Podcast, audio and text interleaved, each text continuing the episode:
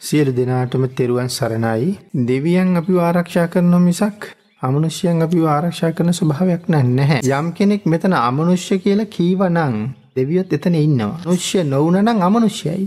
නමුත් අර අමනුෂ්‍ය කියපු ගමන්ම අපේ අදහස යන්නේ යක්ෂයන් සහ ප්‍රේතයන් අතරටනේ. නෑ දෙවියොත් අයිති වෙන්නේ අමනුෂ්‍ය ගණයට. මනුෂ්‍ය නෙමෙයි. ඒ නිසා අමනුෂ්‍ය. එතකොට බලිබිලි පූජා පවත්වන අය රකිව් කියන කාරණාව සඳහන් වුණානේ. භාග්‍යතුන් වහන්සේ දේශනා කරලා තියෙනවා බලි කීපයක් පිළිබඳව. අතිති බලි, ඥාති බලි, පුබ්බ පේත බලි, දේවතා බලි මේ වගේ බලි කීපයක් බුදුරජාණන් වහන්සේ දේශනා කරනවා. එතකොට ඥාති බලි කියලා කියන්නේ තමන්ගේ ජීවත් වෙලා ඉන්න ඥාතීන්ට ආශිර්වාද කරලා පින් අනුමෝදන් කරනවා. ඥාති බලි. පුබ්බ පේත බලි. මිය පරලෝගියපු ඥාතීන්ට පින් අනුමෝදන් කරනවා පින්කම් කරලා. දේවතා බලි. දේවතා බලි කියලා කියන්නේ දෙවියන්ට පින් අනුමෝදන් කිරීම සඳහා කරන පින්කම්. එමනම් ඒ බලි පූජාවල් කියලා එතන සඳහන් කරලා තියෙන්නේ පින් අනුමෝදන් කිරීම සඳහා අපි කරන්නා වූ පින්කම්. එහෙමනම් පින්කම් කර කර ඔබලාට පින් අනුමෝදන් කරන මිනිසුන් ආරක්ෂා කරගන්න කියලා දෙවියන්ට භාග්‍යතුන් වහන්සේ සිහිපත් කරනවා. කොහොමටත් පින් අනුමෝදන් කරන සහ සම්මා දිටිය පිහිටපු අය දෙවියෝ විසින් ආරක්ෂා කරනවා. රතන සූත්‍ර දේශනාව භාග්‍යතුන් වහන්සේ සිද්ධ කරන්නට යෙදුනේම විශාලා මහනුවර ඇතිවෙච්ච තුම්බිය නැති කරන්න ඕන නිසා. ඉතින් භාග්‍යතුන් වහන්සේ විශාලාවට වැඩපු හැටි, භාග්‍යතුන් වහන්සේ විශාලාවට වැඩම කරවපු හැටි, භාග්‍යතුන් වහන්සේ රතන සූත්‍ර දේශනාව ආරම්භ කරපු හැටි මේ හැම කාරණාවක ඉතාමත්ම ආශ්චර්යයි. කරුණු ටිකක් දීර්ඝව සාකච්ඡා කරන්න අවශ්‍යයි. මොකද මේ විශාලාවට මේ තුම්බිය ඇති වෙලා රෝග බිය, දුර්භික්ෂ බිය, අමනුෂ්‍ය බිය මේ බය තුන ඇති වෙලා පිහිටක් නෑ කාගෙන්වත්. ඒ වෙලාවේ එකතුනා සාමාන්‍යයෙන් මිනිස්සුන්ගේ මතයක් තියෙනවා රජු අධාර්මික වීම නිසා රටට විපත් වෙනවා කියලා. මේක ධර්මයේ තියෙන මතයක්. නමුත් එවකට හිටපු ලිච්ඡවි රජවරුන්ට මේ ගැටලුව යනවා ඊට පස්සේ. රජු අධාර්මිකද කියලා. පෙර හිටපු රජවරු හිටපු කාලේ විශාලාව කියන්නේ දිව්‍ය ලෝකයක්. නමුත් අද විශාලාව මේ වගේ අමුසොහනක් බවට පත් වෙමින් තියෙනවා. රජුරවන්ට චෝදනාව යනවා. රජුරු ඒ වෙලාවේ කියනවා මගේ වැරද්දක් තියෙනවා නම් හොයලා කියන්න කියලා. නමුත් මිනිස්සුන්ට කාටවත් රජුගේ වැරදක් හොයාගන්න බැරුව යනවා. ඊට පස්සේ යෝජනා කරනවා අපි එහෙනම් අහවල් අය අහවල් අය අහවල් අය මේ නිගණ්ඨනාථ පුත්ත වැඩමවමු. පගුද කච්චායන වැඩමවමු. අජිත කේස කම්බල එක්කමු. ඒගොල්ලෝ අපේ රටට ආවොත් විශාලා මහනුවරට ආවොත් මේ තියෙන අවාසනාවන්ත තත්ත්වය දුර වෙලා යනවා කියලා. ඒ ඔක්කොම වුණා. ඒ ඔක්කොම කළා. නමුත් අවාසනාවන්ත තත්ත්වය දුරු වුණේ නැහැ. මෙතන හිටිය මහාලි ලිච්ඡවි. ඇස් පේන්නේ නැහැ. මහාලි ලිච්ඡවි බිම්බිසාර රජුරුවත් එක්ක බුදුරජාණන් වහන්සේ දැකලා බණ අහලා ධර්මෙහි පැහැදිලා ඉන්නේ. මහාලි ලිච්ඡවි යෝජනා කරනවා අපි බුදුරජාණන් වහන්සේ වැඩමවමු කියලා. හැමෝම කියපු දේවල් කරලා කරලා පිහිටක් නැතුව ඉන්න අය මහලි ලිච්ඡවිට කියනවා එහෙනම් භාග්‍යතුන් වහන්සේ වැඩමවන කාරණාව ඔබම වාරගන්න කියලා. බිම්බිසාර රජුරවන්ට ගිහිල්ලා කියනවා මේ කාරණාව එහෙනම් බිම්බිසාර රජුරවන්ට කියලා වැඩමවා ගමු කියලා. හැබැයි බිම්බිසාර රජුරු කැමති නෑ බුදුරජාණන් වහන්සේ විශාලාවට වැඩමවනවට. ඒ නිසා බිම්බිසාර රජුරු මහලි ලිච්ඡවිට කියනවා උඹලට බුදුරජාණන් වහන්සේ වැඩමවාගෙන යන්න ඕනේ නම් උඹලගේ ආරාධනාව උඹලම කරගෙනilla කියලා. කැමති වෙන්නේ භාග්‍යතුන් වහන්සේට ඒ තරම්ම ලැබි. නිරන්තරයෙන් දැක දැක පින්කම් කරන්න ආසයි. ඉතින් භාග්‍යතුන් වහන්සේ විශාලාවට වැඩලා දීර්ඝ කාලයක් එහෙ නතර වුණොත් බිම්බිසාර රජුරු විශාලාවට ගිහිල්ලා පින්කම් කරන්න නෙමෙයි. මොකද රජෙක් තව රාජ්‍යයකට එහෙම යන්නේ නැහනේ. ඒ නිසා භාග්‍යතුන් වහන්සේ තමන්ගේ රාජ්‍යයේ ඉන්නවට හරි කැමතියි. ඒකයි එහෙම කරන්නේ. නමුත් මහලි ලිච්ඡවි ගිහිල්ලා ආරාධනා කළා. බුදුරජාණන් වහන්සේ ආරාධනාව බාරගත්තා. පස්සේ රජුරු ගිහිල්ලා අහනවා ස්වාමීනි ලිච්ඡවින්ගේ ආරාධනාව බාරගත්තද කියලා. භාග්‍යතුන් වහන්සේ සඳහන් කරනවා බාරගත්තා මහරජු කියලා. එහෙනම් ස්වාමීනි මදක් වැඩින්න මම වඩින්න කියන තුරු භාග්‍යතුන් වහන්සේ වැඩ ඉන්න කියනවා. සඳහන් කරනවා රජගහනුවර ඉඳලා ගංගා නදියේ එහා පැත්තේ තමයි විශාලාව තියෙන්නේ. මෙහා පැත්ත රජගහනුවර. එහෙනම් රජගහනුවර ඉඳලා ගංගා නදිය ගාවට යොදුන් පහක් තියෙනවා. ඒ කියන්නේ 70ක්ම 50කට වැඩි.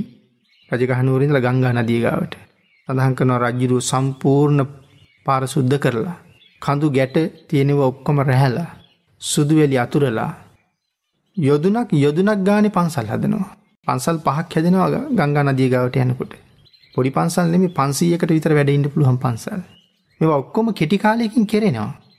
එහෙමත් කරලා බුදුරජාණන් වහන්සේ වැඩ ඉන්න සුගන්ධ කුටියේ ඉඳලා ගංගා නදිය කියන්නේ පන්සල් පහක් හැදුවා. අද එක පන්සලක නවතිනවා. යොදුනක් විතර වැඩලා නවතිනවා.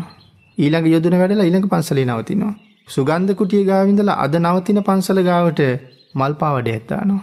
සඳහන් කරන මොනතරම් මල් තිබ්බද කියලා භාග්‍යතුන් වහන්සේ මල් පාවඩයට අඩිය තියහම ධන මණ්ඩලය ගාවට එනකන් මල්වල එරෙනවා සිරිපතුල. යොදුනක්ම වඩින්නේ මල්වල එරි එරි. මොන තරම් මල් සකස් කිරීමක් කරන්න ඇත් මේ විශාලාවට වැඩමෝනො එක කියන එනම් බිම්බිසාර රජ්ජුරු අකමැති වුණේ නෑ වඩිනවට. ඉංකරගණඩ තියෙන අවස්ථාව හිග වෙන හිද යකමැත්ත දැක්වේ. ඉළඟට භාගිතුන් වහස ගඟගාවට වැඩම කරවලා දවස් පහකින් රජ්ජුරුව නැව් දෙකක් එකට ගැටගහලා සම්පූර්ණ නැව ඇතුළ රත්තරං ආස ගණරත්තරං ආසන පනවන්නේ. භාග්‍යතුන් වහස සහ මහරහතන් වහසලට වැඩඉන්ඩ. භාග්‍යතුන් වහස යාසනය ගණරත්තරම්මයි. නැව් දෙකක් ගැටගහල තියන්නේ පන්සීයට මේකට වඩින්ට. වඩින්ඩ ඒ කටයුතු ඔක්කොම සූදානන් කරලා තව ඊට වඩ මේ කාරණාව ඉතාම අසිරිමත් භාග්‍යතුන් වහසේට ස්තේසත් චත්‍ර ඉහලන හැටි පාර සකස් කරන හැටි මේ කොඩිවැල් අදින හැටි පහන් දල්වන හැටි තොරම් බඳින හැටි ඉතා විචිත්‍ර කාරණ ගොඩක් එතන සඳහන් කරනවා. ලිච්චවීන්ට පනිවිඩයක් අරිනවා මගේ භාග්‍යතුන් වහස උඹලගේ රටට වඩින අහවල් දවසේ භාග්‍යතුන් වහස පිළිගණඩ සූදානන් වෙනිල්ල කියලා. කියලා භාග්‍යතුන් වහසේ නැවට වැඩම්මෝල නැවේ වඩාහිඳවලා නැව දියත් කරනවා ගංගා නදී එහ පැත්තෙට සඳහන් කරන බිම්බිසාර රජුරුත් කරවටක් බැහැලා කරවටක් වතුරට බැහැලා බුදුරජාණන් වහන්සට අඩගහනවා ස්වාමීනි භාග්‍යතුන් වහන්සේ විශාලාවේ නතරවෙන් දෙපා භාග්‍යතුන් වහන්සේ නැවත රජගහනුවරට වඩිනතුරු බිම්බිසාර ගංගවරට වෙලා බලාගෙනන්නවා කියලා කියනවා කඳුළු වක්කර වක්කර කියන්නේ. එතකොට මේ විශාලාවට වඩිනවට අකමැත්ත නෙමේ අට ළඟඉඳගෙන පින්කං කරන්න තියෙන අවස්ථාව මදිවෙයි කියලා. ඉතින් සඳහන් කරනවා ලිච්ඡවීන් ඊට පස්සේ කල්පනා කරනවා බිම්බිසාර රජුරෝ කෙරුවට වඩා ලොකු පූජාවක් අපි කරන්න ඕනේ කියලා. විශාලාවට යොදුන් 8ක් තියෙනවා රජගහනුවර ඉඳලා. ඒතර ගංගා නදියේ එහා පැත්තේ ඉඳලා විශාලාවට යොදුන් 3ක් තියෙනවා තව. ඊට පස්සේ මේ මේගොල්ලෝ ඊට වඩා ලොකු පූජාවක් කරනවා ලිච්ඡවීන්. එහෙම කරලා තමයි භාග්‍යතුන් වහන්සේ වැඩමවගෙන යන්නේ. එහෙම ගිහිල්ලා තමයි මේ කාරණාව සඳහන් කරාම භාග්‍යතුන් වහන්සේ පිරිත ආනන්ද ස්වාමීන් වහන්සේට උගන්වන්නේ. උගන්නලා පැන් පාත්‍රයක් අරගෙන නගරේ වටේට පැන් ඉහින්න කියලා කියන්නේ. ලිච්ඡවි රාජපුත්‍රයොත් එක්ක ගිහිල්ලා ආනන්ද ස්වාමීන් වහන්සේ පිරිත් කිය කියා රතන සූත්‍රයේ කිය කියා පැන් ඉහින්න සඳහන් කරනවා යං කිංචි විත්තං ඉදවා හුරංවා කියන ගාථාව යං කිංචි විත්තං කියලා එක පැන් ටිකක් අහසට විසි කරනකොට ඒ පැන් බින්දු බින්දු ගිහිල්ලා සියලුම අමනුෂ්‍යයන් ගොළුවේ වැටෙන්න පටන් ගත්තා කියලා. වැටෙනකොට අමනුෂ්‍යයන්ට මේ වාසල් පවුරු හොයාගන්න බැරුව ගෙවල් දොරවල් බිඳගෙන දිව්වා කියලා සඳහන් වෙන්නේ. ඉන්න බැරුව. ඊළඟට සූත්‍රයේ දිගට දේශනා කරනට සියලුම බලවත් අමනුෂ්‍යෝ පවා සියලු දෙනා මයින් වුණා.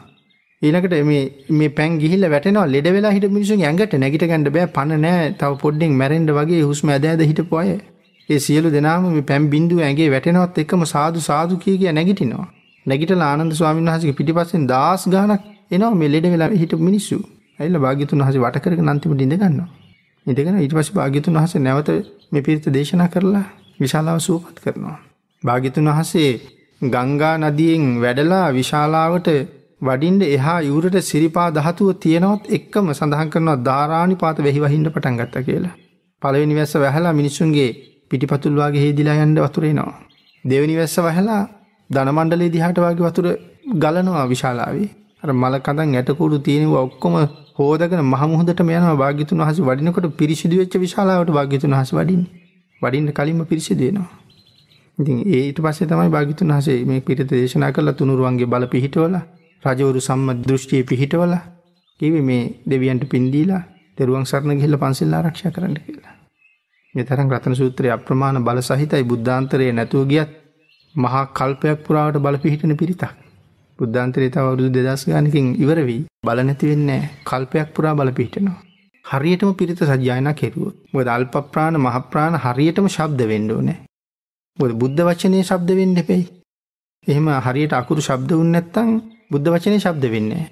එතකොට පිරිත දේශනා කරන කෙනා සජ්ජායනා කරන කෙනා තෙරුවන් සරණ ගිහිල්ලා පන්සිල් වලත් පිළිහිටලා මේ පිරිත සජ්ජායනා කරනවා නම් ප්‍රතිඵල ඊටාම ශ්‍රේෂ්ඨයි. ඊටාම ඉහළ ආරක්ෂාවයි. ඉතින් අද පිරිත් මේ තරම් ආරක්ෂාකාරී කියලා කියනවා අපි ඕන තරම් පිරිත් කියවනවා පිරිත් කියනවා නමුත් මහලොකු ශක්තියක් ලැබුණ බවක් පේන්නේ නැත්තේ බුද්ධ වචනය උච්චාරණය වෙනවා අඩුයි. ඉතින් මේ බල පිහිටවල තියෙන බුද්ධ වචනේ මිසක් අපිට ඕන ඕන වචන කිව්වට ඒක බල නැහැ. එහෙනම් හරියට බුද්ධ වචනේම ශබ්ද වෙන්න ඕනේ. එහෙම වුණොත් ආරක්ෂාව තියෙනවා.